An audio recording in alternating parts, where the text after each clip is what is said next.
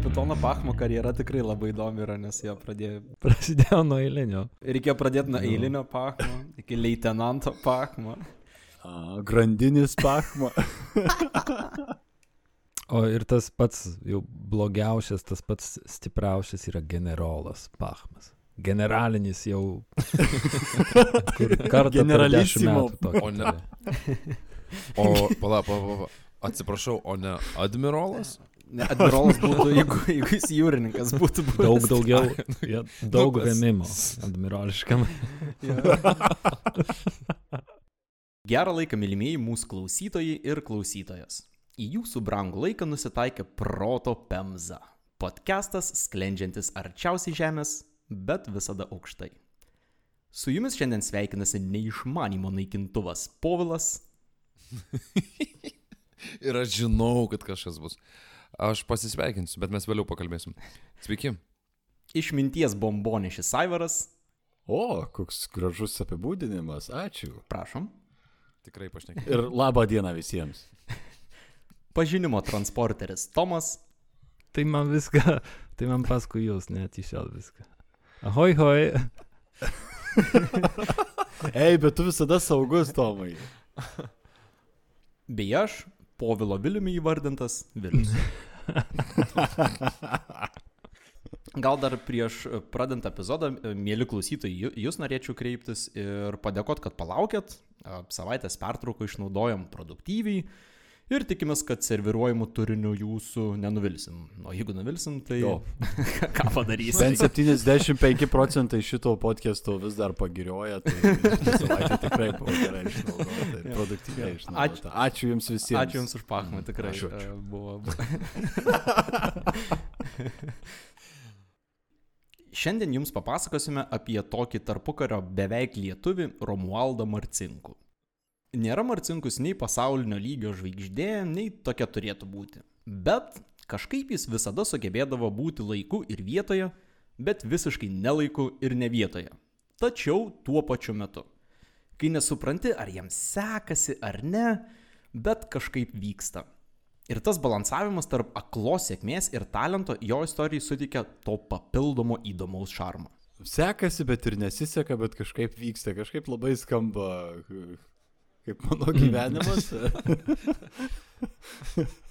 Kažkas vyksta. Jo, toks um, laisvasis gajus šiek tiek.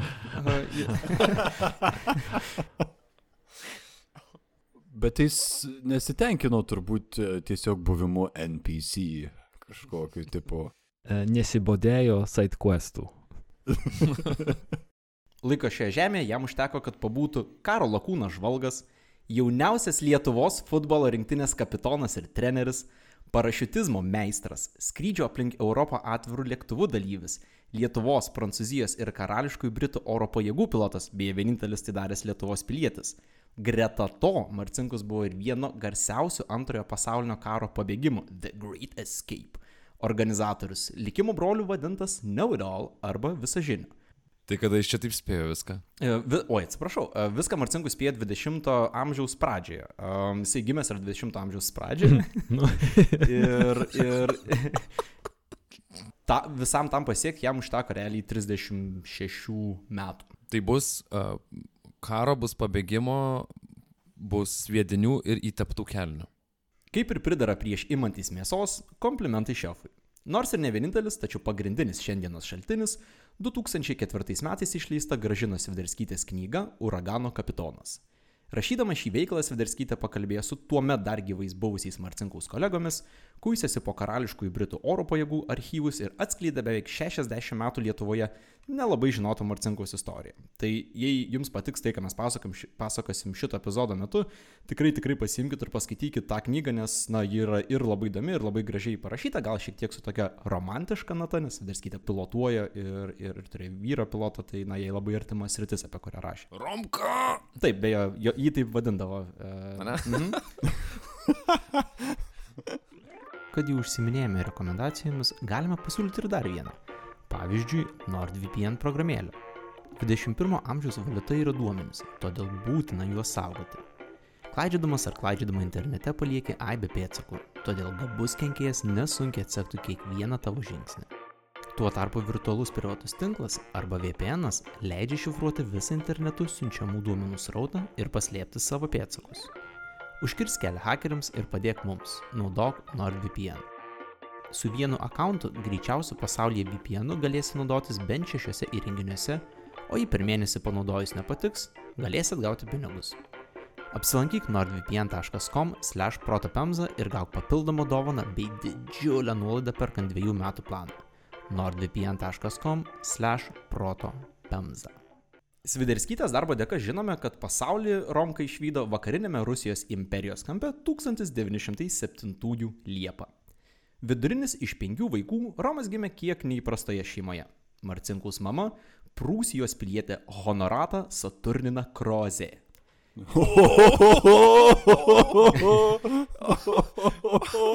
O, pasakyk dar kartą. Krozė. Jeigu pamatytum taip, kaip uh, rašosi tas originalas, ten prancūziška pavardė. Ne, ne, vis, visą šitą karo ginklo pavadinimą, prašau, pasakykite.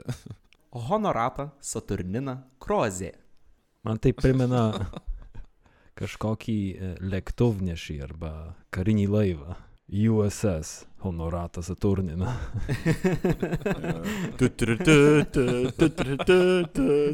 O ne! Neįprasta šeimos pavardė mena Napoleono kariuomenės žygį į Rusiją ir vieno Bonaparto kareivių Jurbarke rasta meilė. Napoleonas tai ir netoli Punsko šeklos palikęs. Nu gal ne jis pats, bet jo kariuomenė. Aš manau, kad ir pats buvo išpylęs. Kito kažkur pakeliui tikrai. Truputį padaręs įtaką O jo, genofondui o jo. Kroze šeimą, tai irgi Romualdą, Jurbarkę galima priskirti prie, sakykime, aukštesniojo luomo. Romo senelį ir prosenelį Jurbarkę statė ir projektavo pastatus, Romo teta buvo akušerė ištekėjusi už Jurbarko burmistro, o giminiai priklausė pakankamai nemažas ūkis, kurio pastatų pakako ir nuomai. Tuo tarpu Romo tėvas iš pradžių caro, o vėliau nepriklausomos Lietuvos policininkas dirbęs Jurbarke, Rumšiškėse ir ilgainiui Taurogėje, kur tapo a, miesto policijos vadovu. O tai toks, sakyčiau, visai įtakingų, įtakingų Jo. veikėjų atstovas. Ir čia viskas Jurbarkės, jisai savo šaknis randa Jurbarkė. O geras. Paties Marcinkus vaikystė Jurbarke bėgo daugmaž idiliškai. Be brolių ir seserų Romas turėjo dar be maž 20 pusėserių ir pusbrolių, visi gyveno pakankamai netoliese, bado nebuvo, o sprendžiant iš vaikystės fotkių, tėtis ir tarnybinę pušką palaikydavo. Kokia puška. Tai ne tai, ką tu galvoji, nes Romo tėvas visų pirma nebuvo kunigas, o policininkas. O taip, puška buvo, viena buvo šautuvas, o, na, kaip ir revolveris kažkas tokio, kita gal um, ilgesnė šitą. Gal viskas su ta vaikystė būtų taip ir likę, bet už beveik 2000 km nuo Jurbarko toks Gavrilo principas nušovė tokį Fransą Ferdinandą ir dar septinto gimtadienio neatšventusiam Romui teko susipažinti su žodžio karas reikšme. Mažai kas žinoma apie Marcinkus laiką karo metu. Žinoma tik tai tiek, kad prieš pat karo pabaigą dėl išsekimo mirė jo penkerių metų brolius. Tai spėčiau, kad na, nebuvo ypatingai lengva išgyventi tą laikotarpį. Jo, ir kaip suprantu, tais laikais buvo gana normalu, kad, e, kad mano mažasis brolis mirė vakar. Nu, toks e, gan tipinis, tipinis fenomenas. Bet čia nuo išsekimo. Trūko tai- maisto nu. tikriausiai. Nežinau, man visą laiką atrodo, kad labai, kad labai uh, daug dirbo tas penkiametis, dėl to išseko ir numirė. Pokariu Romos Jurbarke ilgai neužsibuvo. Futbolą mokykloje pamilusi paauglį, tėvai išsiuntė į vokišką mokyklą jau nepriklausomos Lietuvos sostinėje Kaune. Dar nesulaukęs pilnametystės, Romas jau mokėjo lietuviškai, vokiškai, rusiškai, lenkiškai, šiek tiek prancūziškai, o Kaune kamuolis spardė su vietiniais žydais ir lenkais. Kiek neįprastai tarpukario realijoms, pagal gimtają kalbą draugų Romas nesirinko. Nėra aišku, kada Marcinkaus dušioje užsidegė noras skraidyti. Tačiau būdamas 19, jis įstojo į Kauno karo mokyklą. Ten jis netruko išsiskirti unikaliu talentu futbolui. Jau po pirmųjų metų Romas buvo geriausias šalies futbolo klubo nariu ir atstovavo šalies futbolo rinktiniai. Jei įdomu, koks buvo tas geriausias klubas, tai yra Lietuvos fizinio lavinimo sąjungos Kauno skyriaus klubas, tai LFLS. Tai vadinasi, turėjo padalinius skirtingose miestuose, bet buvo ilgamečiai Lietuvos e, ten čempionai. Tai jis mokosi karo mokykloje? Taip. 26 metais ten įstojo, būdamas 19. Gerai skamba karo mokykla. Profesionalių futbolininkų tuomet nebuvo, todėl greta Marcinkus lakstė visokie tai buhalteriai, teisininkai ir karininkai. O svarbiausia, futbolu įtin domėjosi karo aviacijos atstovai. Kamolį spardyti ir važinėti Harleys Stepono Darius primokyti buvo Antanas Gustaitis, Leonardas Pesackas, Jonas Peragius ir daugelis kitų Lietuvos aviacijos kūrėjų. Peseckas. Tu sakei Harley? Taip, e, Steponas Darius, kaip bent jau rašo Svederskytė, buvo primokęs, na, atvežė į Lietuvą tą madą važinėti motociklais ir būti tokiu Okay. okay. kinda mačio bičio, nes skraidyti lėktuvus, mod- važinėti mocis, žaisti fulę, būti sportišku ir, ir, ir panašiai. Styvas ir jo Harlis. Bad boy. Bet buvo toks biškį, atvažiavo, užmestė tą, tą visą vaibą ir pabėgo po to. Tiksliau nepabėgo, bet išvažiavo į Ameriką. ir užsiminė. Noriu pasakyti, kad tos klišės, e, kuriuos, kurios pavaizdavo filme Top Gun, yra tokios senos. Taip, taip. Manau, kad tas klišės ir pasiemė gal iš to tokio perdėto mačizmo iš būtent tarpu karinių pilotų, kurie buvo jų itin, jie buvo tuometiniai, na, kosmonautai, astronautai, ne, sakykime, kažkas tokio. Kažkaip net norisi šitą iliustruoti e, tais propagandiniais nacijų filmais su e, olimpiniam Mhm. mhm. rungtynėm ir, ir, ir tam tokiam Mhm. mhm. kūno kultui. Taip. Pergalės futbolo aikštelėje vyjo viena kitą, o 30-aisiais Marcinkus vedama Lietuvos rinktinė pirmą kartą po beveik dešimtmečio bandymų iškovojo Baltijos šalių futbolo taurę. Tais pačiais metais buvo patenkintas Romo prašymas būti priimtam į Vytauto didžiojo karininkų kursus aviacijos skyriuje. 12 nepriklausomybės metais norinčių tapti aviatoriais netrūko, todėl vieno pagrindinių futbolo rinktinės narių pavardė turėjo išsiskirti šūsnyje kitų.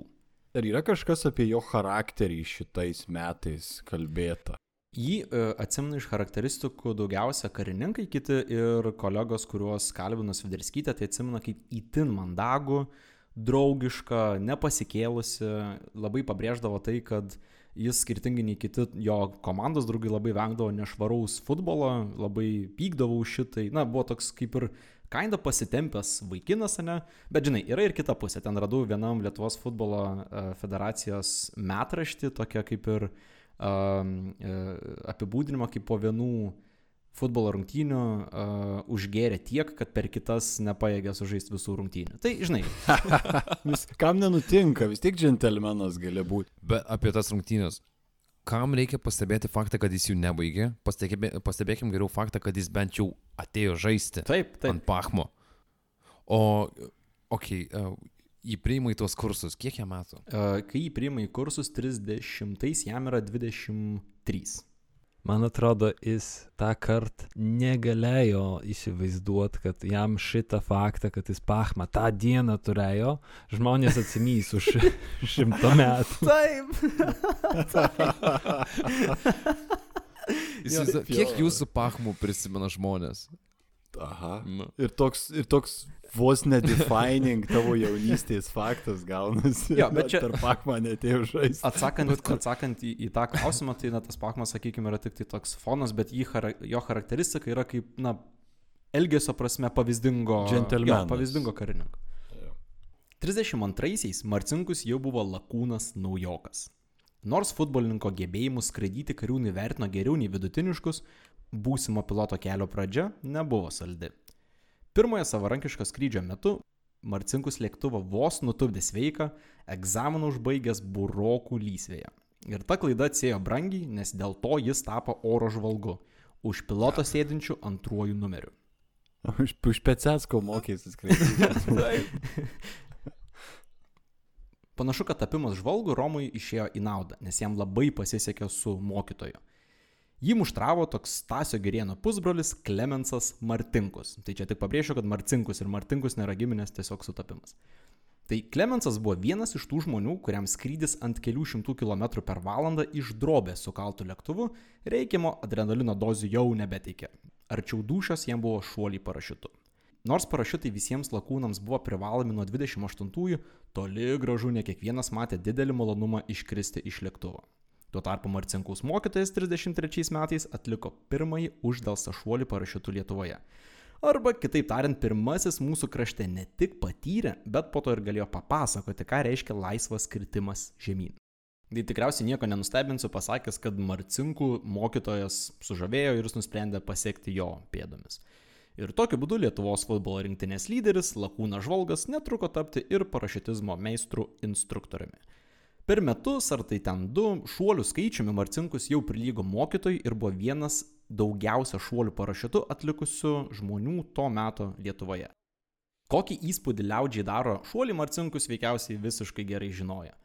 26 metų Romualdo jaunystę pailustruokime vienu tokiu šuoliu atliktu 33. Komandos kapitonas į futbolo varžybas nusprendė atvykti lėktuvu. Šiam pasiekus stadiono Jurbarkietis maždaug 2 km aukštyje persisveria per bortą ir nėra žemyn. Pirmas kelias sekundės aikštėje buvo ramu, tačiau laisvam kritimui tęsiantis prasidėjo šurmulys, kurį keitė baimės atodusiai. Prie poros sekundžių laisvo kryčio pratę žiūrovai dievogojasi, kad kapitoną reikės gramdyti nuo vėjas. Tuo metu varžybas įgarsinęs komentatorius ragino žiūrovus nesibaiminti, šiek tiek nervingai juokaudamas nevalakūnas viso labo skubo į rungtynes.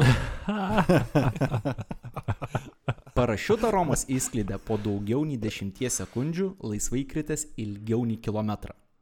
Ir nors įvykio aprašymą tai nėra minima, spėčiau, kad į aikštę parašiutų nusileidusi komandos lyderį pasitiko didžiausias decibelų skaičius, kurį to meto žiūrovai galėjo išstenėti. Tai čia yra quality entertainment, ta prasme, komandos kapitonas su pakim parašiutų nusileidusi. Ta, Tarpukario Kaunas žinojo, kaip linksmintis panašu. Galėtų sugražyti šitą tradiciją. O šiaip tai kas, kas nors dar skrido tuo lėktuvu. Taip, taip, taip, jis iššoko, iššoko iš, na, iš žvalgo. Tai gal žvalgo dar, dar ir sprogimą padarė šalia viso to. Žmonės turėjo tokią pramogą ir jiem dar norėjosi futbolo žiūrėti.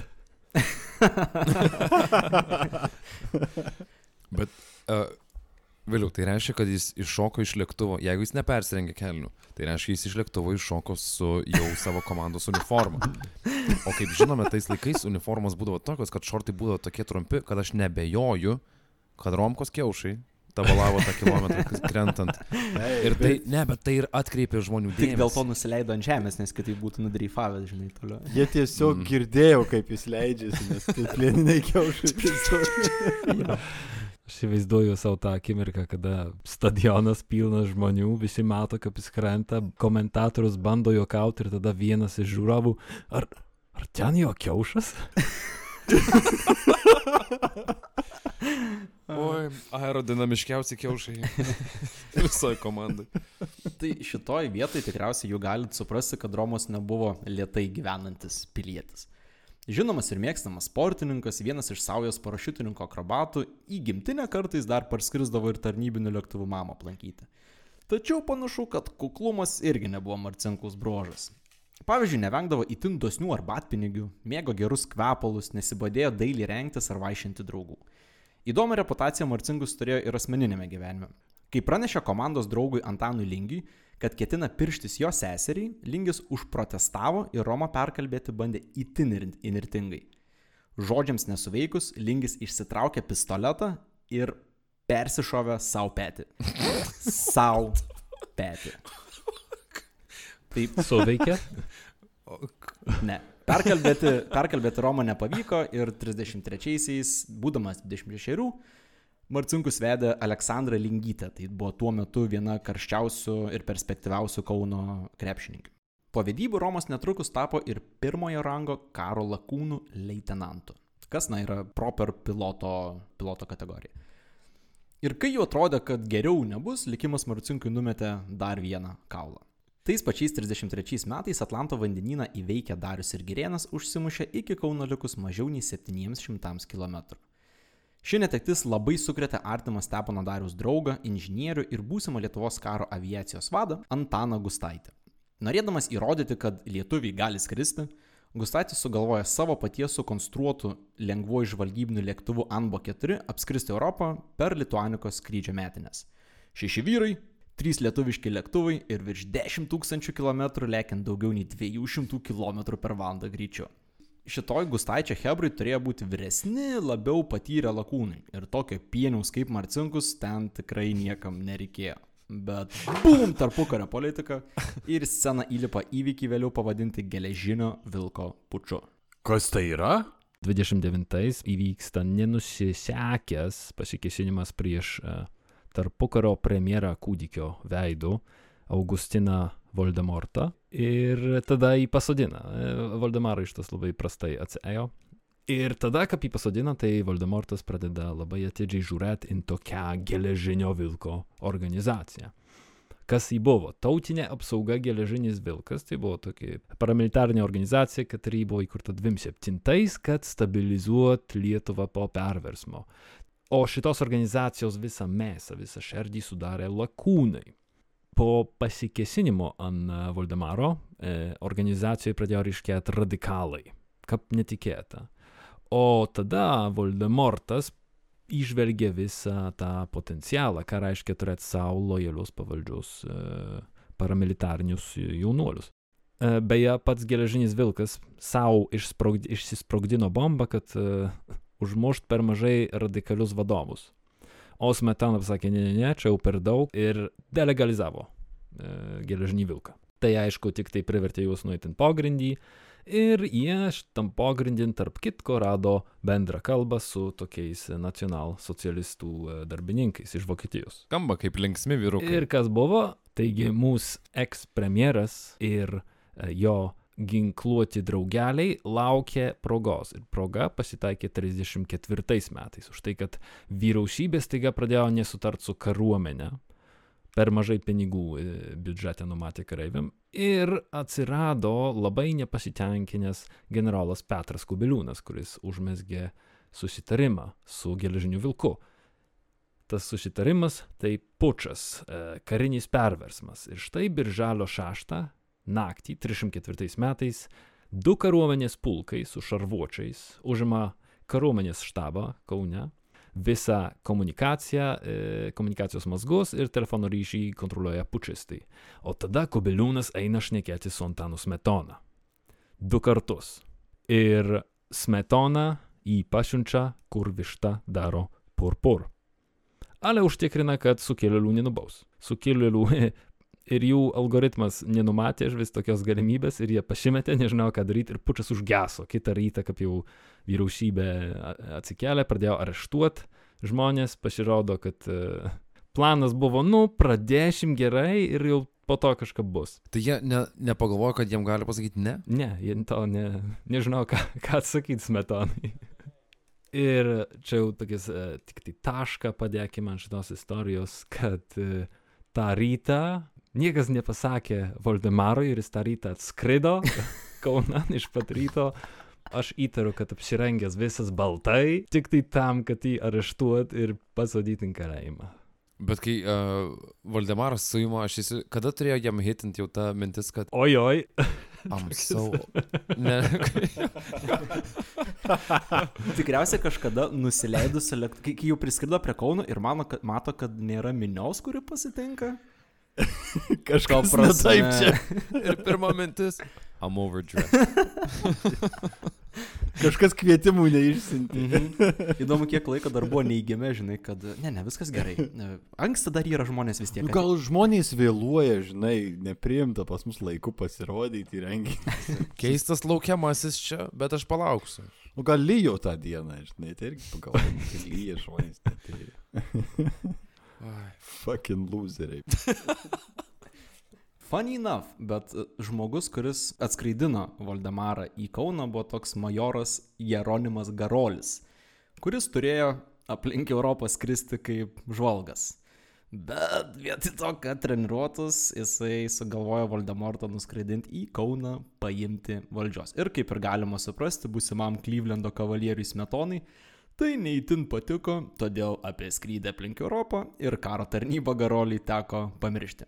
Tiesa, nenužudė jo į kalėjimą neįdėjo, bet tiesiog išmetė iš kariuomenės. Ir, ir nebeskrido į tą visą jų tripą. Jo, jį dėl to išmetė laukan. Kaip ir Tomas minėjo, visa tai vyksta birželio 6-7 dienomis. Skrydis aplink Europą laukia birželio 25. Ir atidėti jo nėra įmanoma, nes užsienio reikalų ministerijai prireikė beveik metų suderinti leidimus Lietuvos karo lėktuvams skraidyti po Europą netrukdomiems. Dėl to, birželio 11 dieną, likus dviejoms savaitėms iki skrydžio Gustaitis išsikvečia Marcinku ir pasiūlo jam užimti žvalgo vietą Jono Liorento Anbo lėktuve. Jūs son of a bitch. Amen. Tarė Marcinkas. Ir Ir tapo jauniausiu iš šešių skrydžio dalyvių. Tai tuo metu jam buvo 27. Tai grinai, grinai šeštasis žaidėjas. O visa šita jų, visa šita jų odisėja yra tik tai... ko- Koks yra jos tikslas? Skrydžio aplink Europą pats tikslas yra na, paminėti metinės Darius ir Gerieno skrydžio tragedijai ir kartu parodyti, kad na, lietuviai gali padaryti e, šitai. Skrydžiui, kuriam Gustaitis ruošėsi beveik metus, Marcinkus pasiruošti turėjo 14 dienų. Jam viso labo reikėjo išmokti 10 tūkstančių km Europos geografijos, numatyti oro sąlygas bei padėti susiorientuoti trijų lėktuvų eskadrilėje, kuri nenaudojo jokios radio įrangos.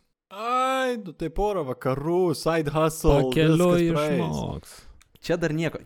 Kiekvienoje skrydžio atkarpoje Marcinkui atviroje kabinoje reikėjo susivokti, kur jis yra žiūrint į 5 metrų ilgio žemėlapį, atvirame lėktuve, skrendant vidutiniu 200 km per valandą greičiu. Tiek per lietų, tiek per miglas, tiek per visas, e, visas oro sąlygas. Birželio 25 dienos rytą penki lakūnai ir Marcinkus palieka Kauną ir ratu pro Švediją, Prancūziją, Italiją ir Sovietų sąjungą aplanka 12 Europos valstybių. Tokie skrydžiai tarpukariu vis dar kėlė nemažą žiniasklaidos dėmesį. Todėl Amsterdame lietuvus priėmė legendinių lėktuvų inžinierius Anthony Fokeris, Junktinėje karalystėje Romualdo su šutve pasitiko ir vakarienę pavaišino karališkosios šeimos atstovai, o Venecijos rūmose priėmė ir kartuvių kilpos kol kas dar neragavęs Italijos fašistų diktatorius Benito Mussolini. Su juo beje Romualdas Nice. ir visa, visa Anbas kadrilė turi ir nuotrauką kartu pasidarę. Wow. Kaip įdomu, aš niekada nežinau, kad nu, lietuvių kilmės žmonės buvo taip arti antro pasaulinio karo priešiškos pusės veikėjų. Kaip apie Ramenskį šnekėjom ir dabar, nu, wow. Pilnai įveikę maršrutą Liepos 19 dieną, vos vieną minutę vėliau nei planuota, Anbas kadrilės lakūnai nusileido Kaune. Marcinkus ir visi kelionės dalyviai buvo sutikti kaip didvyriai. Po slogios Dariaus ir Gerieno netekties šalis įrodė galinti ne tik apskristi visą Europą, bet ir tai padaryti savo pačių pagamintais lėktuvais. Ir šitas faktas yra na, įdomesnis vien dėl to, kad, pavyzdžiui, tokios šalis kaip Belgija tuo metu nebuvo pagaminusios nei vieno lėktuvo. Tai septynerius metus Marcinkus sėkmę buvo pabalnojęs vertikaliam pakilimui. Du kart Lietuvos klubinio futbolo čempionas, rinktinės lyderis ir kapitonas ir pirmojo rango lakūnas. 27 Marcinkus šventinėje uniformoje jau segėjo 5 garbės ženklai, keturis kurių įteikė užsienio šalis. Todėl Kroaze palikuoniui rodėsi šviečia rožinė ateitis. Nu, Saturnina tikrai turėjo būti patenkinta. Sekantis metai Marcinkų vis dar nešė aukštyn. Tapęs žaidžiančių Lietuvos rinktinės treneriu, beje vieninteliu tokiu istorijoje, Romas antrą ir paskutinį kartą su Lietuva iškovojo Baltijos taurę. Po metų 36-aisiais jiems buvo suteiktas kapitono laipsnis. Tai užtarnavo kapitonas ant žemės, kapitonas ir ore pravardę. Negalėjo kažko gražiau sugalvoti. Romualdas Pachmas Marcinkus.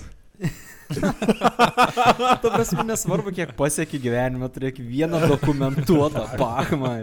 Dan su šituo. Bet tai taip gerai gaunasi, nes tu gali jį visur reportinti ir naujienose, ir laikraščiuose.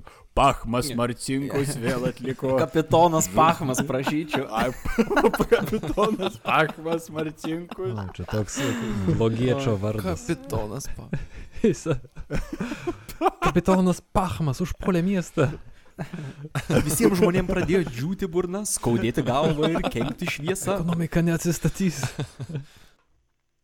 Marcinkus žvaigždė amžinai kilti į viršų negalėjo.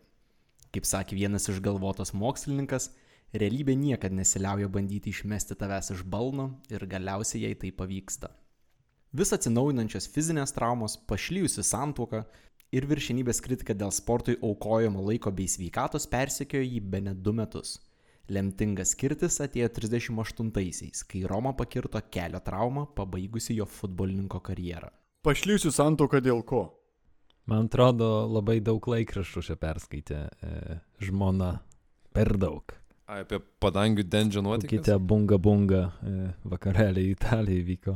Labai daug nėra apie tai informacijos, nes e, žmonės biški privatesni tarpu kariu buvo, bet kaip supratau, na, jie neturėjo vaikų visų pirma, e, Romas beveik niekada nebuvo namie, nes arba skraido, arba žaidžia futbolą, arba spėčiau um, užsiminėjo na, kitų moterų dėmesio. Na, ji buvo viena perspektyviausių Lietuvos krepšininkų, labai gerai mokėsi ir, na, santoka su Marcinkum iš jos dalį to bent jau kuriam laikui atėmė. Tai, na, tapo ta žmona laukianti namie, kol vyras neaišku kur, jokių vaikų nėra ir... Nepaisant to, jog jie neturėjo vaikų, ji vis tiek buvo suvaržyta į tą tokį vaidmenį, kad jinai laukia. Iš to, namuose. kaip prašė bent jūs Vidarskytė, supratau, kad ne visam laikui, bet jo, pirmi ten keli metai buvo namų ruoša ir, na, metė, sakykime, savo ambicijas tapti ne tik krepšininkė ar sport, sportininkė, bet ir, na, ambicijas tapti medikė. Dėl to, kad, Oi, kad apsiženė jo. Tai, na, ta santoka pašlyjo tikriausiai dėl to, kad iš Romo daug dėmesio jai ir nebuvo. Jisai buvo pasirinkęs tai, ką jis myli, tai yra Mm, skraidyti, žaisti futbolą ir viską, kas eina su tuo. liūdna. Jo. Tais pačiais 38 metais Marcinkus charakteristikoje atsiranda ir įrašai apie turimas skolas. Veikiausiai dėl azartinių lošimų ir išlaidų meilužiams. Sportinio azarto trūkumas, kelio trauma ar tai blėstančios jaunystės ilgesys, tačiau kažkas stumtelėjo Marcinkų ieškoti greitų dopamino dozių. 39 rugsėjo 7 dieną, praėjus šešioms dienoms po antrojo pasaulinio karo pradžios, Marcinkus dar apdovanojamas plieno sparnais, aukščiausių karo aviacijos garbės ženklų. To paties mėnesio pabaigoje, Lietuvoje jau vyrujant Vilnius mūsų, o mes rusų nuotaikoms, garbės teismo paragintas Marcinkus pasiprašo į atsargą. Taigi per vienerius metus nei futbolo, nei žmonos, nei kariuomenės. Nu, mūsų, mūsų Romka yra duobėje biški. Marcinkus amžininkai pasakoja, kad garbės teismas kariams būdavo rengiamas kažko neprastai prisidirbus civilių pasaulyje. Marcinkaus atveju tai veikiausiai buvo skolos. Kariuomenės štabą jau pasiekdavo Marcinkaus skolų vekseliai, o tai reiškia, kad apie Jurbarkiečio bėdas asmeniškai žinojo ir Gustaitis, tuometinis karo aviacijos vadas ir Anbas Kadrilės uh, lyderis, su kuriuo Romas kartu ir skrido aplink Europą. Ir esu visiškai tikras, kad Marcinkus turėjo ne vieną progą pasitaisyti, bet prieš pasitraukimą į atsargą nuo Gustaičio jau buvo gavęs pizdaką už tai, kad vietoj vokiečių delegacijos kario priežiūros nuėjo šiam aprodyti Kauną. O tai čia tipo yra tas laikas, kai dar Kaune yra legali prostitucija jau nebe? Žinok, tikrai nežinau. Nes šitas parodymas a, Kauno, Taip. tai gali būti labai dvi. Aš kaip suprantu, iš tono bent jau kaip ėjo, ėjo e, knygoje tai aprašyta, tai na, nebuvo bažnyčių pasižiūrėti Kaune. Kai gavo, kai gavo įsakymą žiūrėti, kad vokietis niekur neitų, nes vis dėlto karas netoliese vyksta, tai jie tikriausiai išėjo, na, Ieškot vokiečių. Ieškojo pro, pro bokalo dugną. Ėjo susitikti su kapitonu Pachmu. tikriausiai išėjo su vokiečiu, bet parsivedė kapitoną Pachmanį. jo kažkaip prisikabino. Pasitraukimas į atsargą Marcinkaus skolų nesutvarkė. 39 metų spalį jo mama pardavė visą šeimos sodybą su 37 arų sklypu. Gal tai yra sutapimas, bet labai gali būti, kad skolų skolelių mūsų padangio erelis turėjo tiek, kad teko įkeisti visą giminės turtą. O ką jis lošė? Ar yra kažkokios informacijos, kai ką jis buvo pasinėręs? Tikslaus atsakymo nėra, bet e, amžininkai taip vadinami mini, kad būdavo populiaru uh, kortom lošti. Tai, na, spėčiau ant kažkokio kortų žaidimo. Uno. Uh, Cards Against Humanity užsi, užsižaidė taip, kad visą teko parduoti. Ir panašu, kad net pardavus mamos ir giminės turtą skolų gražinti nepakako. 40-ųjų sausį, nesumokėjęs nuomos už būtą ir niekam nepranešęs 32 marcinkus, dingo iš Lietuvos. O čia gal išvarė į Škotiją dirbti? Uh, jo, su Ramenskiu. Kasykloj. Visą tą paslapti gaubiančią jo išnykimą, tik tai Sviderskytė galiausiai išsiaiškino, na, parašius tą knygą, kurią vėlgi labai rekomenduoju paskaityti. O išsiaiškino tai, kad 40 metais per Rygą ir Stokholmą Romas pateko į Paryžių. Į Prancūziją sostinę atvyko ne Eifelio bokštą lankyti, o stoti į šalies karinės oro pajėgas. Neaišku, ko jis ten tikėjosi, bet legionieriaus duona saldi nebuvo. Ir kartinė buvo. Jos iš viso nelabai buvo. Ir kaip dienoraštyje pažymėjo Romualdas, Ko jau ko, bet kad badauti reiks, to tikrai nesitikėjau. Nu, brangu Paryžiui gyventi.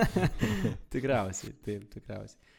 Pateikus prašymą pas su vokiečiais kariaujančius prancūzus, Marcinkų įsuko vietinės biurokratijos sraitai. Apgyvendintas karininkų viešbutė, jis tris savaitės veltui laukia žinių apie prieimimą. Kaip ir pridara išlaidūnai, turėti pinigai greitai baigėsi. Neaišku kodėl, bet Marcinkų sumanė šelbti toks kapitonas Mere Lombardas. Kaip tau atrodo, ar jis tada naudojosi pažintim, kurias užmesgė skrydžio metu, skrydžio per Europą? spėčiau, kad na, jis turėjo pažinčių po savo skrydžių aplink Europą, ne? buvo pakankamai žinomas futbolininkas, dalyvavęs tarptautinėse rungtynėse. Tai kažkokia nenumušta ta jo korta dar tikrai buvo. Ir gal tai ir suteikė kažkokių na, e, pažinčių toj vietoj, bet na, spekulacija iš toj vietoj. Laiko galvoti apie finansus nebuvo itin daug. Vis dėlto vyko karas. Gegužės 10-ąją naciams per Belgiją ir Olandiją lėkint Prancūzijos link, Romualdas vis dar laukia. Vieną didžiausių lūžių 20-ojo amžiaus Europos istorijoje, tai yra sėkmingą Hitlerio įsiveržimą į Prancūziją, Romas prisiminė su ramybė. Iš pat ryto mane pažadino oro pavojaus signalas - sirena. Daugelis iš mūsų viešbučio nuskubėjo žemyn į slėptuvę, ašgi pasilikau gulėti. Po kiek laiko prasidėjo šaudimas iš kulkosvaidžių ir patrankų, tai buvo vokiečio skadrilė iš penkių lėktuvų, kuri užskrido ant Paryžiaus. Vėliau oro pavojus praėjo. Užmigau. Gegužės 25 dieną, likus mažiau nei parai iki žymiausios Dankirko evakuacijos, Marcinkus buvo oficialiai priimtas į Prancūzijos karo aviaciją. Gaila tik, kad pačios Prancūzijos beveik nebebuvo.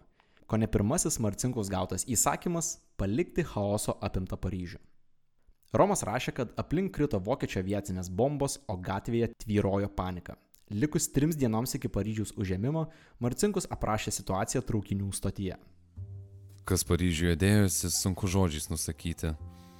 Visi jau dvi dienas bėgo viską pametę. Gatvė iš abiejų pusių ir kieme pilna prikimšta žmonių - moterų, senukų, vaikų, kuriuos vos galėjo sulaikyti didelis policininkų būrys. Moteris šaukė, klykė ir alpo. Vieną tokią palpusę ir man teko saugoti, kad nesutryptų. Tai reiškia, e, kariuomenė pasiekė Paryžių, mieste panika absoliuti, o jisai varo į oro uostą, kad skristi iš ten. Juos susadino į tuos pačius traukinius kartu su bėgančiais uh, prancūzais beje. O kas tuo metu Lietuvoje vyko?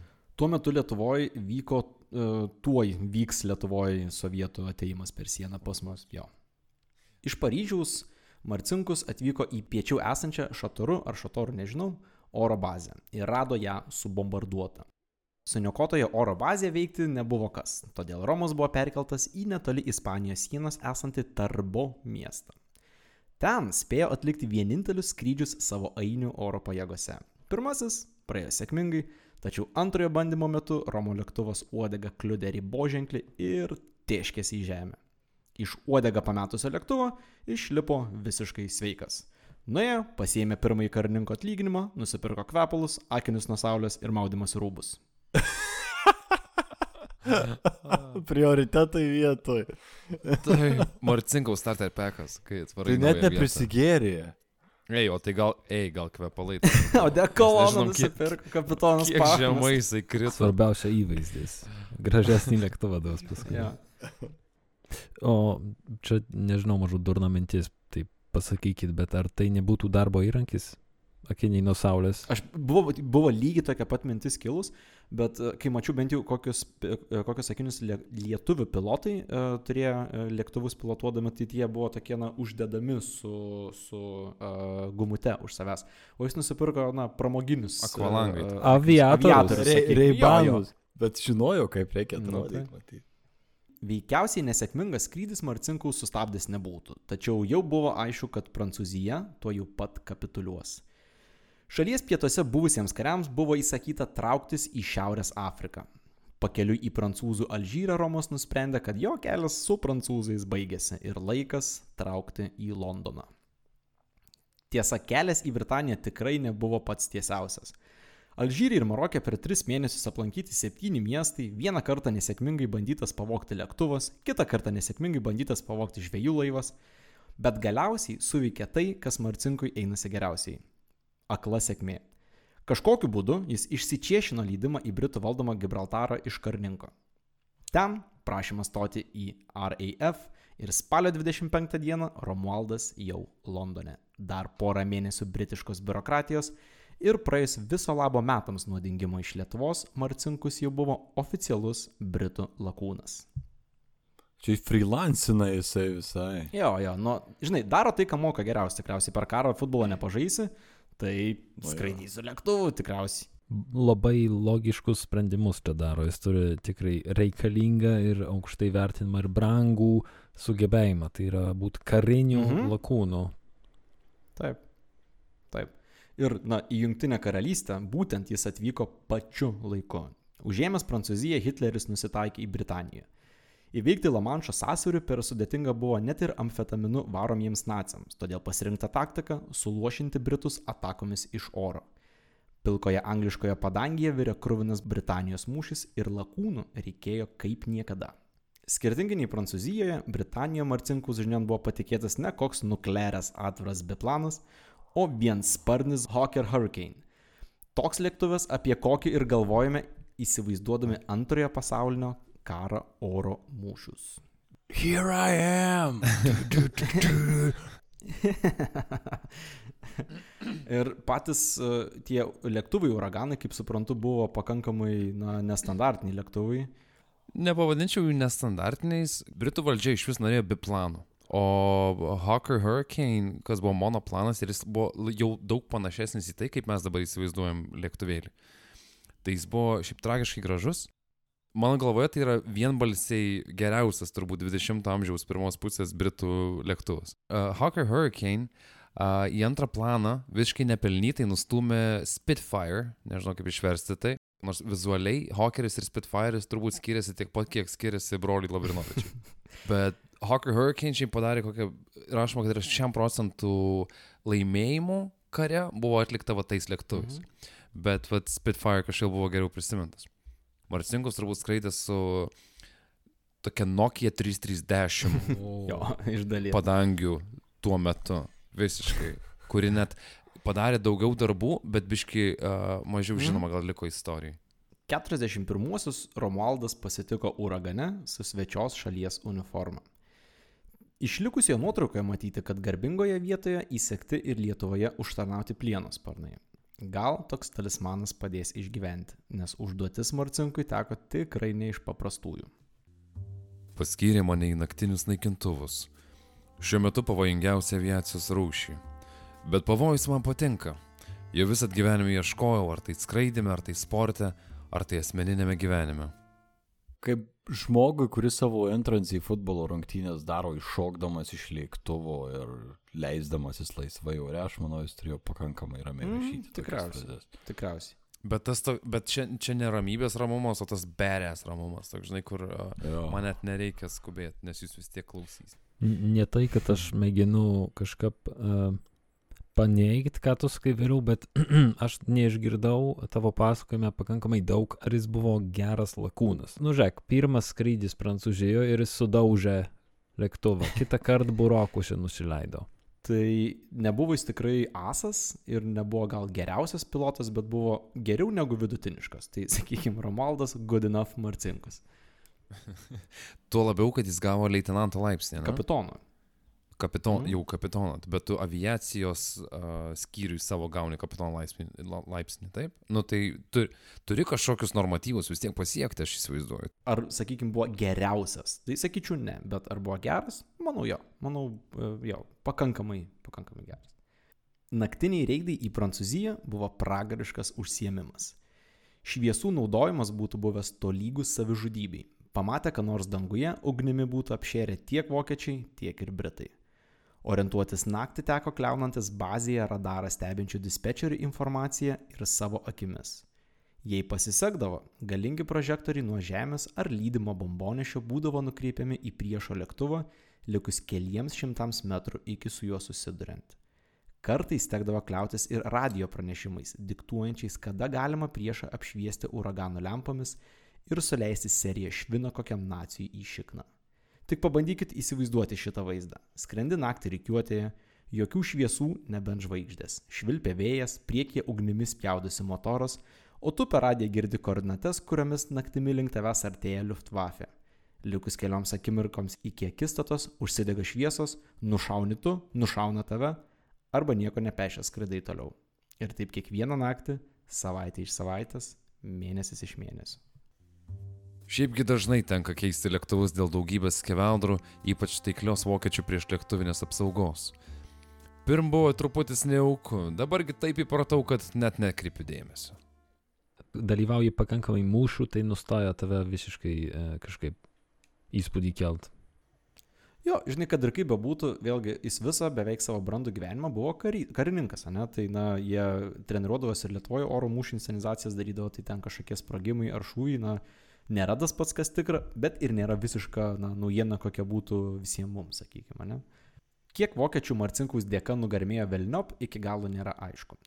Britai numuštus taikinius užskaitydavo tik tokiu atveju, jei kiti pilotai galėdavo paliudyti, kad kolegos šūvi, šūvis buvo lemtingas. Aišku tik tiek, kad nukautų tikrai buvo. 41 birželio 21 12 uraganų lydėjo Britų bombonešius Prancūzijos link.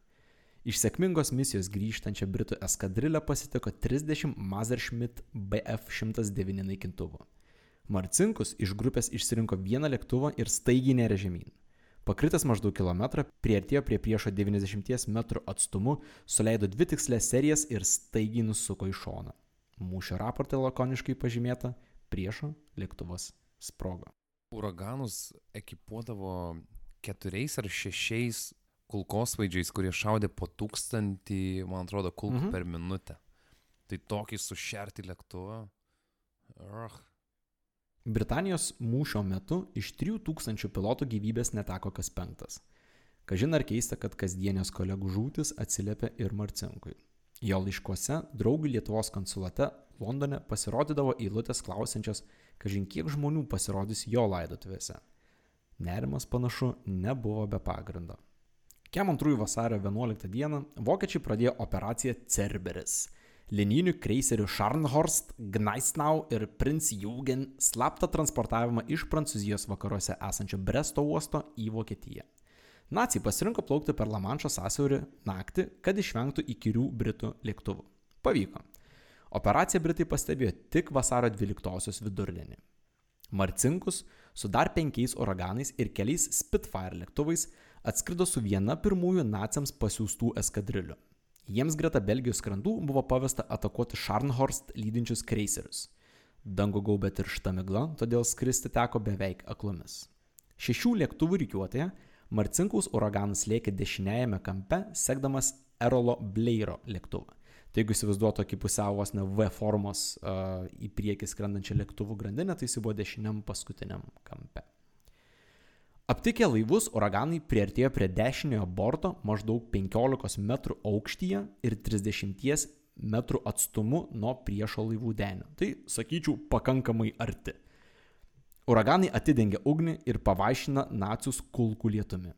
Viena bomba kliudo ginklų blokštelį ir sunešiojo jį į šipulius. Vokiečiai neatsilieka ir tratina pabūklusi puolančius lėktuvus. Šaudo taikliai, nes prieš Marcinkaus akis sproksta Bleiro pilotuojamas lėktuvas. Skestant ugnyje nuspręsta trauktis, tačiau iš šešių uraganų bazę pasiekė keturi.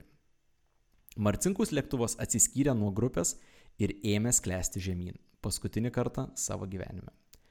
Karo istorikai aiškina, kad veikiausiai sugedus navigaciniams priemonėms pasiklydęs migloje, Romualdas nuskriejo Belgijos link. Kulkų nepataisimai suvarpytas jo lėktuvas leidosi vis arčiau ir arčiau šaltų jūros bangų. Maždaug taip kaip piloto Kolinso personažas Kristoferio Nolono filme Dunkirkas. Smūgio jūra būta stipraus. Išlikusiose Marcinkaus lėktuvo nuotraukose matyti, kad orloviai trūksta sparno, propelerio sraigtų, visas priekis atviras ir pametęs ne vieną detalę. Tačiau svarbiausios nepametė. Lūžusių stuburų, tačiau Marcinkus išgyveno.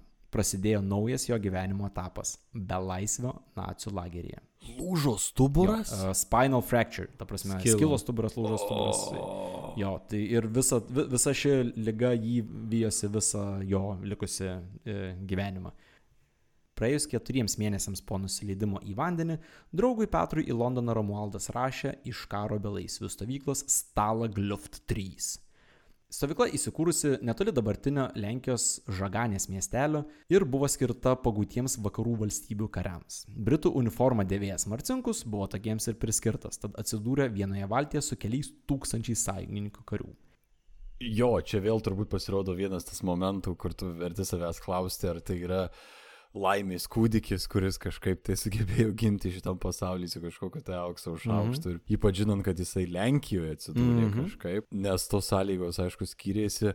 Aišku, reikia paminėti, kad e, atostogos nebūdavo nei vienoje iš tų stovyklų. Ar mes būsim vakarų, vakarų pareigūnų, ar, ar bus rytų, ten, nu, tarkime, Sovietų sąjungos e, armijos karininkų arba kareivių. Tuo tarpu su Sovietų sąjungos kariais ir atstovais, na, buvo visai kas kita, nes kaip atkasi dokumentuose paskutiniais metais, bent 3,5 milijono, man atrodo, sovietų karių patekę į karo belaisvius stovyklas buvo sąmoningai nukankinti ir nužudyti, būtent vokiečių taikomos politikos. Visų pirma, jeigu vakarų kariai turėjo kažkokį tai baraką, kuriame galėjo miegoti, tai neretai e, sovietų kariai nieko neturėjo, jie tiesiog turėjo duobę, kurioje turėjo dengtis nuo bet kokio oro šalia viso šito tu turėjai, na, vergystę iš esmės dienos metu, nes buvo visi įdarbinti ar tai kasy, minuose, ar tai kažkokiuose kitosiuose labai sunkiuose darbuose. Oficialiai buvo kalbama, kad jiems yra duodama 2000 berots kalorijų dieta per dieną, mm -hmm. tačiau iš tiesų jinai dažniau panešėjo į 700 kalorijų a, dietą, tai, na, tai galima netgi ir suprasti kaip tokį, nu, nukankinimą per badavimą turbūt, nes, na, Lėtą kartais atrodo blėtą badavimą, jo, ir, ir, ir galima netgi tai, na, matyti, kad vokiečiai tam tikrą prasme šaipėsi, turbūt netgi, sakyčiau, ciniškai. Kaip labai gerai pastebėjai irgi tokia vieta, kur Marcinkui pasisekė, kad pateko į gerą nacijų stovyklą. E, nu, ta prasme, kaip ir gerai, bet kaip ir labai negerai. Nu, Nereikia duobėje miegoti ir duobėje glaustis. Mhm. Atrodo, kad Marcinkaus pusę nuotikių, ypač, nu, tik tai galbūt tų neigiamų galima palidėti frazę, kad galėjo būti daug blogiau. Jo, vos, labai lietuviška, ne? A, Jo, šiaip pasižiūrėk, o ten už sienos gali būti visiškai kitaip. Informacijos apie Marcinkus kasdienybę lageryje nėra daug. Išlikusi korespondencija su bičiuliais Londone tai atskleidžia, kad Romos slėgė namų ilgesys ir lėktuvo avarijos sukeltas nugaros skausmas. Fizinių jėgų pas Romą buvo nedaug, bet galva veikė puikiai. Britų istorikų liudymai rodo, kad praėjus vos pusmečių nuo patekimo į lagerį, Romos jį buvo įtrauktas į organizaciją X, kuri planavo tai, kas ilgainiui gaus didžiojo pabėgimo vardą. Organizacija X. Tikrai. Taip, taip vadinasi, tikrai. Dar tik vienas X, Aivarai. Ar du X turi prisijungti. O kiek, a, kiek Romkai metų? A, Čia yra 42-3, tai Romui yra apie Tram 5 šiuo metu. Nu, tai jau Romka, tikrai. Organizacijoje X buvo apie 600 narių, o jų visų tikslas buvo slaptai iškasti pabėgimo tunelius, susiorganizuoti pinigų, sudaryti aplinkinių miestų traukinių maršrutus, pasirūpinti padirbtais dokumentais, nacijų uniformomis, ginklais ir visais kitais dalykais, kurių reikia pabėgimui. 600 žmonių. Žmonių! Bet vėlgi čia yra Ronkos side hustle. Jo, nu, Vėl jisai kažką, jis net tiesiog, galėtum tiesiog kalėt. Kalėt. Kalė, kas, žin, gerai, žinant jo prieš tai nuotykius, žodis kalėti truputį Jo, ten gal kitą. Svajojo kalėt. Taip. Tikras kalinys. Pabėgimo organizatoriaus Rodžerio Bushnelo dėmesį Marcinkus veikiausiai patraukė dėl vokiečių kalbos žinių. Dėl to paties organizacijoje X jis pateko į padirbinėjimo departamentą, kurio valioje buvo žemėlapiai, dokumentai, uniformos ir kiti darbai, kurie nėra tiesiogiai susiję su pačiais kasimo darbais. Tas organizacijos X pavadinimas, nu. Mhm. Kaip iš kokio, žinai, 70-mečio britiško TV serialo. Kaip šventasis būdavo, jeigu pamena tokį labai seną su Rodžeriu Mūru. Organizacija X, The Majestic 12 ir taip toliau. Daug plikų, plikų vyrų su juodais kostiumais ir juodais marškiniais. Jie drąsūs, jie nekantrus ir jų 600. Organizacija X. Didžiausias slaptas vakarėlis. stovyklos istorijoje. Nekantrių ir drąsių organizacija Marcinkus užėmė pakankamai aukštas pareigas, o jo darbu kliovėsi ir kiti organizacijos departamentai. Atsiprašau, bet ar ten visi pavadinimai irgi buvo pavaduotojas X reikalams? Ne, čia Kur X turi būti būtinai. aš galvoju, kad i pavadinimas X tikriausiai atsirado dėl to, kad jeigu netyčia nugirstų, tarkim, vokiečiai, na, nebūtų kažkokio pavadinimo, kuris iš karto, a, jie stopudovai bėgs. X gali reikšti mažą ką. Tai š- šita a, abstraktybė yra apgalvota ir protinga. Jo, ten ne- viskas- neišmanyma. Nežinau, bet jeigu aš būčiau koks nors Werneris, vaikščiojantis tenais ir girdintis, ką šneka kaliniai, seks išgirdęs. Seks. Ai, nu, Ei, jo. ir, jo, ir išgirdęs seks galvotum, jo, jo, čia kaliniai, ta prasme. Nu, tai tegu jau jie neturi čia meilužių savo, Jo. tai Jo. tegu smaginas. Ir, ir taip Jo. nieko neturi, tegu turi. Ok, ok, įtikino. Taip, tai dėl savo e, indėlio organizacijoje Marcinkus ir gavo tą minėtą Neutol arba visažinio pravardę. Dėl to, kad tai, ką jis darė, tiesiogiai veikė kitų departamentų darbą. O ką jis darė? Įdomu tikriausiai būtų, ne? I am Mr. Know-it-all. I tell you what I think. Jo, jo, jam teko tokia, na, nei sudėtinga, nei lengva užduotis. Reikėjo ištraukinėti informaciją iš vokiečių. Tai tikrai to žodžio prasme prieiti prie sargybinių, prie karių, kurie ten yra ir pradėti su jais kalbėti ir gauti naudingos informacijos kažkokiu būdu. Aš jau matau, kaip prieina prie a, vokiečių karininko, pasižiūri ten į kokį nors sunkvežimį. Tai kokia rida? Paspardo padangą. does this bad baby get? O variklis garsiai dirba. Taip, neutralą, ne? Mhm. Tai ne, ne, aš pats žiūriu, kai Šiaip išeis. Nežinau, kiek vokiečiai buvo pak, pa, išpratėję dėl futbolo tarpu karių, bet jeigu tiek pat, kiek, kiek dabar, tai tikriausiai futbolo žinios irgi galėjo būti vienas iš uh, icebreakerių. Mm. Kartu su Marcinkumi kalėjęs britų karys Jimmy James teigia, kad Romas turėjo fenomenalią atmintį ir ypatingai skaičiams. Iš cenzuruotų laikraščių, imdamas tai, ką įmanoma, Marcinkus ne tik sudarė Vokietijos karinių dalinių išsidėstymo schemas, bet ir sugebėjo sudaryti tikslius keliolikos miestų traukinių grafikus. Kritiškai būtina informacija sėkmingai gyvendinti pabėgimą, nes pagal planą bėgliai su padirbtais dokumentais turėjo sėsti traukinius ir varyti kuo toliau nuo žaganės.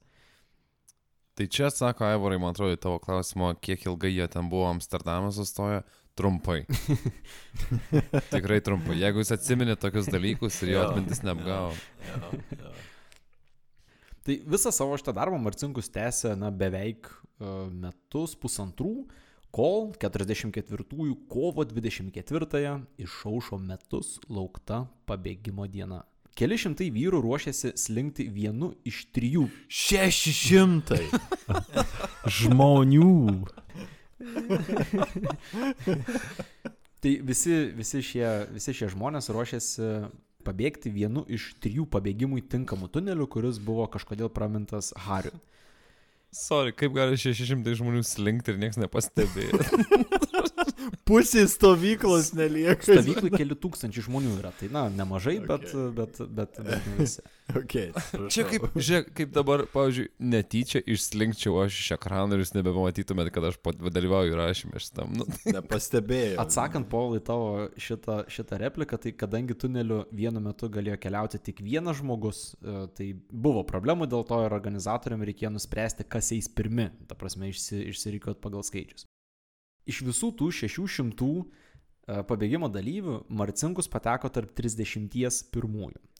Jis turėjo apsimesti vokiečių karininku, Gdansko link gabenančių tris lietuvius darbininkus, kuriuos vaidino du britai ir belgas. O, o, nu, bet bent jau pats galėjau Lenką suvaidinti. gerai, Taip, kažkaip prastai pakęsti. Ne, matai, iš jų, iš jų keturių Marcinkus vienintelis mokėjo vokiškai. Ir mokėjo vokiškai taip gerai, kad, na, galėjo, galėjo uh, apsi... Jo, bet apsimesti. tie lietuviai, žinai, du britai. ir Taip, belgai. beje, Marcinkus. Aš labai... Where's Lietuva. my tea? Beje, Aš Marcinkus. labai Lietuva. Čia kaip tas Petras Hiksa, ne? Taip, taip, pranas. Hiksas, Pranas. Hiksas. Pranas Hiksa. Tai Marcinkus beje tą patį klausimą buvo iškėlęs uh, savo vadovybei, kad į jo trys lietuviai nei bum bum lietuviškai nekalba, bet jam buvo atsakyta, kad vokiečiai, kurie sustabdys, veikiausiai irgi nekalba nei bum bum lietuviškai, tai na tas ant to. Visos tos ketveriukės, Marcinkus ir trijų netikrų lietuvių e, planas buvo e, keliauti į rytprusius, ten kirsti Lietuvos sieną ir kažkokiu būdu iš Lietuvos nusigauti į neutralią Švediją. Na, o tada grįžti į UK ir, ir kariauti. Visi memai iš Švedijos. Jo, jo. Ne, ne, e, visą laiką geriausia plano dalis būna pavadinimu kažkokiu būdu. Kelias tuneliu iš lagerio į už jo esantį mišką buvo visoks, tik nesklandus. Nors tunelio išėjimą atidaryti planuota per 15 minučių, procesas truko pusantros valandos. Negana to, išlindus lauk paaiškėjo, kad virš 100 metrų esantis tunelis buvo 7 metrais per trumpas, todėl veda ne į mišką, o griovį greta jo. Jei to dar būtų mažai, vyrams liuogiant siaurų tunelių prasidėjo tunelio griūtis. Užgriuvus vieną žmogų padėti galėjo tik esantis už jo, todėl vietoj kelių minučių persikeliamas išsitempė iki kelių dešimčių minučių. Ir dėl visų šitų nesklandumų Marcinkus ir kiti pabėgėliai turėjo praleisti numatytus traukinius. Ir vietinėje stotyje kaip niekur nieko laukti sekančių traukinių. Su kalinių uniforma. Su, e, Taip. ne, Marcinkus ir pir, tie pirmi pabėgę buvo su vokiečių uniformom. Jie buvo apsirengę kaip karininkai tuo metu.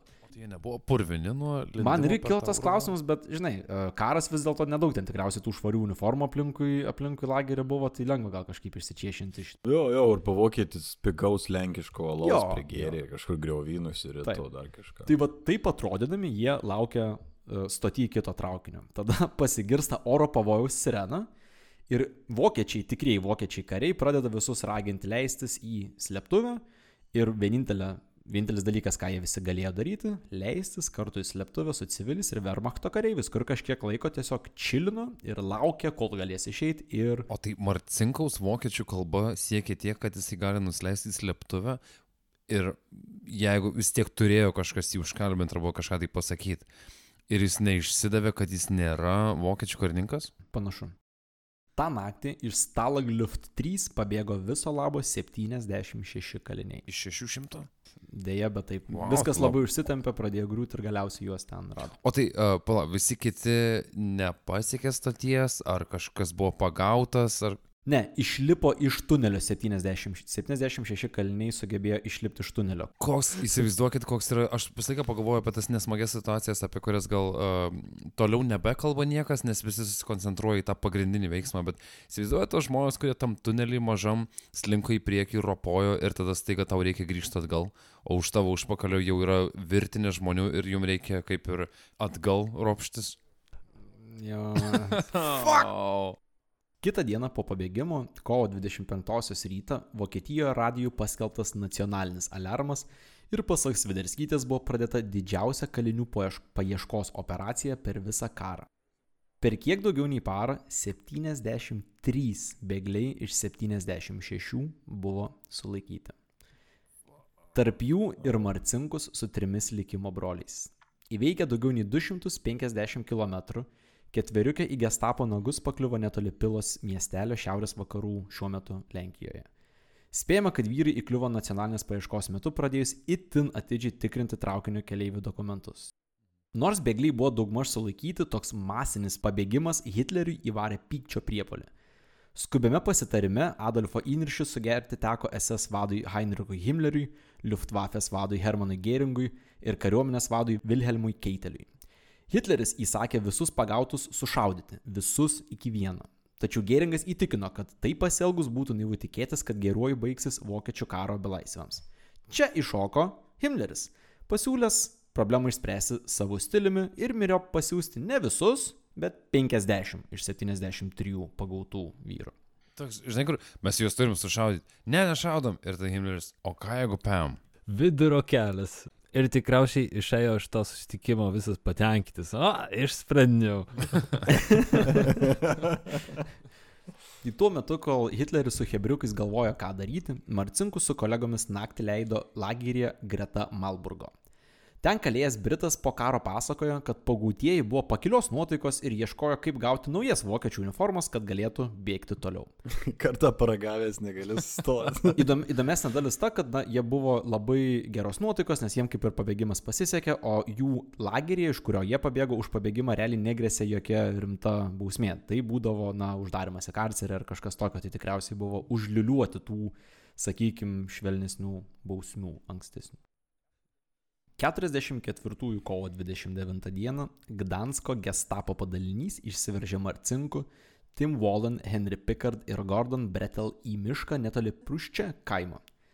Virbė ceremonija buvo išlaipinti iš sunkvežimio ir nušauti tiesiog ant kelio. Ta patį vakarą Marcinkaus pavardė jų buvo ant jo pelinus laikančios urnos. Lietuvos futbolo rinktinės kapitonas ir treneris, parašiutizmo meistras, trijų valstybių oro pajėgų pilotas ir sėkmingai iš lagerio pabėgęs Jurbarkiškis baigė savo kelionę. Iki jo 37 gimtadienio buvo likę 3 mėnesiai. Šiaip liūdnai labai pasibaigė istorija, nes toks gaunasi, kad turėjom lietuvišką į Daredevil, net nežinau kaip tai verčiasi į lietuvių kalbą, kuris, nu, gyveno kaip ir, mirė kaip ir gyveno, turbūt taip iš niekur nieko, tarytum viskas nutiko. Ir aš vis tiek įtariu, kad organizacijos X vadovybė žinojo, ar bent įtarė, kad jų numatomas laikas yra nerealistiškas, kad tikrai ilgiau Mhm. užtruks, kad 600 tikrai nespės nuolę, iš ko jie rinktis gali. Bandyti. Bet, bet kokiu atveju visai nebloga pabaiga, sakyčiau, gyvenimo, nes jau kelintas Lietuvos vaikas, kinda, da eina iki pačių aukščiausių Vokietijos nacijų institucijų a, visų ešelonų ir juos taip sunervuoja, kad jie nori visus išžudyti, Jo. kas yra susijęs su jais. Tai it's pretty good. Jeigu teisingai suprantu, tai ant įsakymo nužudyti Marcinkų, gal tai legenda, bet yra na, sankcionuota Hitlerio, ta prasme tiesiogiai. Tai nėra per, per kažkokius uh, perinamus. Aišku, anokia čia garbė, bet uh, kaip praeito epizodo metu Tomas Maros buvo minėjęs, kad palys podą, na, kažką darai gerai tikriausiai, jeigu tavęs Jo. nekenčia šitas žmogus. Liūdnoji šitos istorijos dalis yra ta, kad uh, apie Marcinkus likimą beveik niekas nežinojo. Uh, kas jam nutiko, kuris dingo ir tuos visus jo nuotykius. Tikriausiai žinojo tik tai Lietuvos atstovybė Londone ir žmona, nes su žmona Britai bandė susisiekti, siūsti ją daiktus ir mokėti priklausančią našlės pensiją. Jai. Bet neleido įgautos, sakykime, našlės pašalpos, nes Britų pagalba būtų reiškusi bendradarbiavimą su vakarais, o tai būtų reiškia tiesioginę kelionę į Sibirą. Čia toks šoninis faktas, kad Marcinkų žmona antrą kartą nebevedė ir kaip bylojo jos artimieji, iki mirties dėvėjo Romualdo dovanotą žiedą su tokiais sparnais laikančiais perlą. Taip, tai liūdniausia šito istorijoje yra Romualdo mamos istorija, nes ji mirė Jurbarke 58-aisiais visiškai viena. Kroazė dinastija Jurbarke, prasidėjusi Napoleonui bandant užimti Rusiją, pasibaigė į ten pat įsiveršti pabandžius naciams. Kruozė ir taip ir neišėjo iš, iš, iš Jurbarko. Norėčiau papanot Aivarui, pavardė gal ir neišėjo, ale man atrodo, kad uh, genetinis kodas pasiekė ne vieną Europos miestą. Turbūt. Labai, labai, labai tikėtina. turbūt. Kapitono Pachmo genofondo. Ja. Dar ne vienas kruozė kažkur dabar Paryžiui taršosi. Pats, pats Marcinkus na, buvo užmirštas pakankamai ilgai, ten sovietmečių buvo dviejose švyturio numeriuose labai cenzuruoti pranešimai tik tai apie jį, apie jį buvo ir tas sugrįžimas į, į Lietuvos na, aviacijos istoriją, tai prasidėjo gal nuo kokių, na vos ne kartu su Sviderskytės knyga, gal šiek tiek anksčiau. Maros 2001 metais jo ten kažkokiam tolimam giminaičiui Britai įteikė apdovanojimus priklausančius, buvo naikintuvai praskridę virš, virš Vilniaus ir skaičiau, kad Jurbarke buvo pavadinta gatvė jo vardu ir kad Vilnių naujininkose gatvė norėjo jo, pavardu, jo vardu pavadinti, bet Google Mapsuose nieko to neradau. Bet Jurbarke yra gatvė. Bent jau tai prašė, bet sakau, jeigu nueisi Google Mapsus ir ten, kad ir kaip bandžiau, Ai, ar nėra. Marcinkus gatvė, ar Romualdo Marcinkus gatvė, ar Marcinkus, nu, ta prasme, tų tėvų Taip, kiek yra. Romkos. Romkos nebandžiau, ne, nebandžiau Romkos Bet gatvė. blemba Jurbarkis dabar, nu, čia, čia yra šiaip labai didis žmogus, sakyčiau, nepaisant visų jų problemų asmeniniam gyvenime. Jo, sakykime, Taip, jeigu jis nėra pagerbtas Jurbarke, jeigu, aš nežinau, irgi reikia nuvažiuoti ir pažiūrėti, tai yra, nu, ką žinau, liūdna ir gėda kažkiek, Gal. nežinau. Steve'as McQueenas jį vaidino blemba po galais. Bent jau e, stotelis ar skvero vertas. jo pati asmenybė man pačiam tarpukariui suteikia daugiau tokio žmogiškumo, nes jo karininkas ten ir, ir visoks įdomus ir visa kita, bet jis loždavo, a, prasiskolinęs buvo, yra Blema, yra Žmogus buvo, žodžiu. Dėl to, kad jis yra su trūkumais, o dažnai tarpukari, Aha. bent jau aš matau kaip kažkokį tobulų žmonių periodą, kur niekas niekada nebuvo blogai. Bet ir vėl, mes prieinam prie to, kad šitiek yra geros medžiagos filmams Lietuvoje, bet kažkodėl renkamės filmuoti baltus arklius ar problemos sušiktas Tado Vidmanto komedijas rodyti. O uh, šitą progą, Tomai, tu ten atidarai kanalą su Netflix kažkaip? Jo, jo, jau, e, jau, jau lokacijų, lokacijų ieškom su... Kapšykis su žaganė aš nekėjau, tai... Kariuomenė sutiko. Bet, uh, wow, tikrai labai buvo įdomu ir labai, man aišku, asmeniškai įdomu, įdomiau gal net buvo dėl to, kad čia buvo ir lėktuvai įtraukta ir viso, uh, ir visų iš tų technikų ir visko, bet labai keista, kad aš nebuvau girdėjęs apie tai, mane šitas stebina dalykas. Jo. Labai man patinka, e, kad šitoje istorijoje yra ir tokių e, baltų dėmių, kur nežinia, kas vyko, bet pagal tai, Jo. ką žinom, tai tokias no, noras, bet ir nuojauta, kad ten vyko kažkokie labai rimti ir įdomus e, sprogimų pilni, pabėgimų, sekso skandalų ir rimtų pinigų pilni momentai. Jo, kažko, kažko tikrai, tikrai buvo. Tai ačiū klausytojai jums labai, kad e, klausot, mes labai vertinam jūs ir, ir labai džiaugiamės, kad davėt mums tą išsvajotą e, savaitę, kad galėtume sugrįžti pas jūs su trenksmu. Ir nesustokit klausyti, dalinkitės e, ir mes deliverinsim. Ačiū. Ačiū. Ačiū. Iki. Iki. Iki. Mėlyjei mūsų patronai, ačiū, kad remiate. Jūsų pagalba kaip tunelis lagerio bėgliui suteikia vilties. Kaip ir visada, ypatingą savo padėką siunčiame. Donatui T, Mantvydui K, Karaliui P, Edį, Andriui, Mikui, Sauliui S, Indrei, Gretai P, Marijai T, Mantui M, Elenai D, Audriui, Šarūnui S, Anastasijai B, Sandrai K, Mildai Č, Raimundui Z, Mindaugui, Marijui Z, Gedriui S, Gvidui B, Simui B, Marijui V, Kūgiui M, Gabrieliui S, Kazimierui K, Vytautui D, Rasai, Karoliui P, Editai R, Aistijai V, Jurgitai Z, Benui P, Mindaugui B, Simui D, Tomui B, Giedriai B, Arvidui K, Rokui M, Giedriui N ir Kristinai T. Ačiū Jums, mėlyje, ir iki kitų kartų.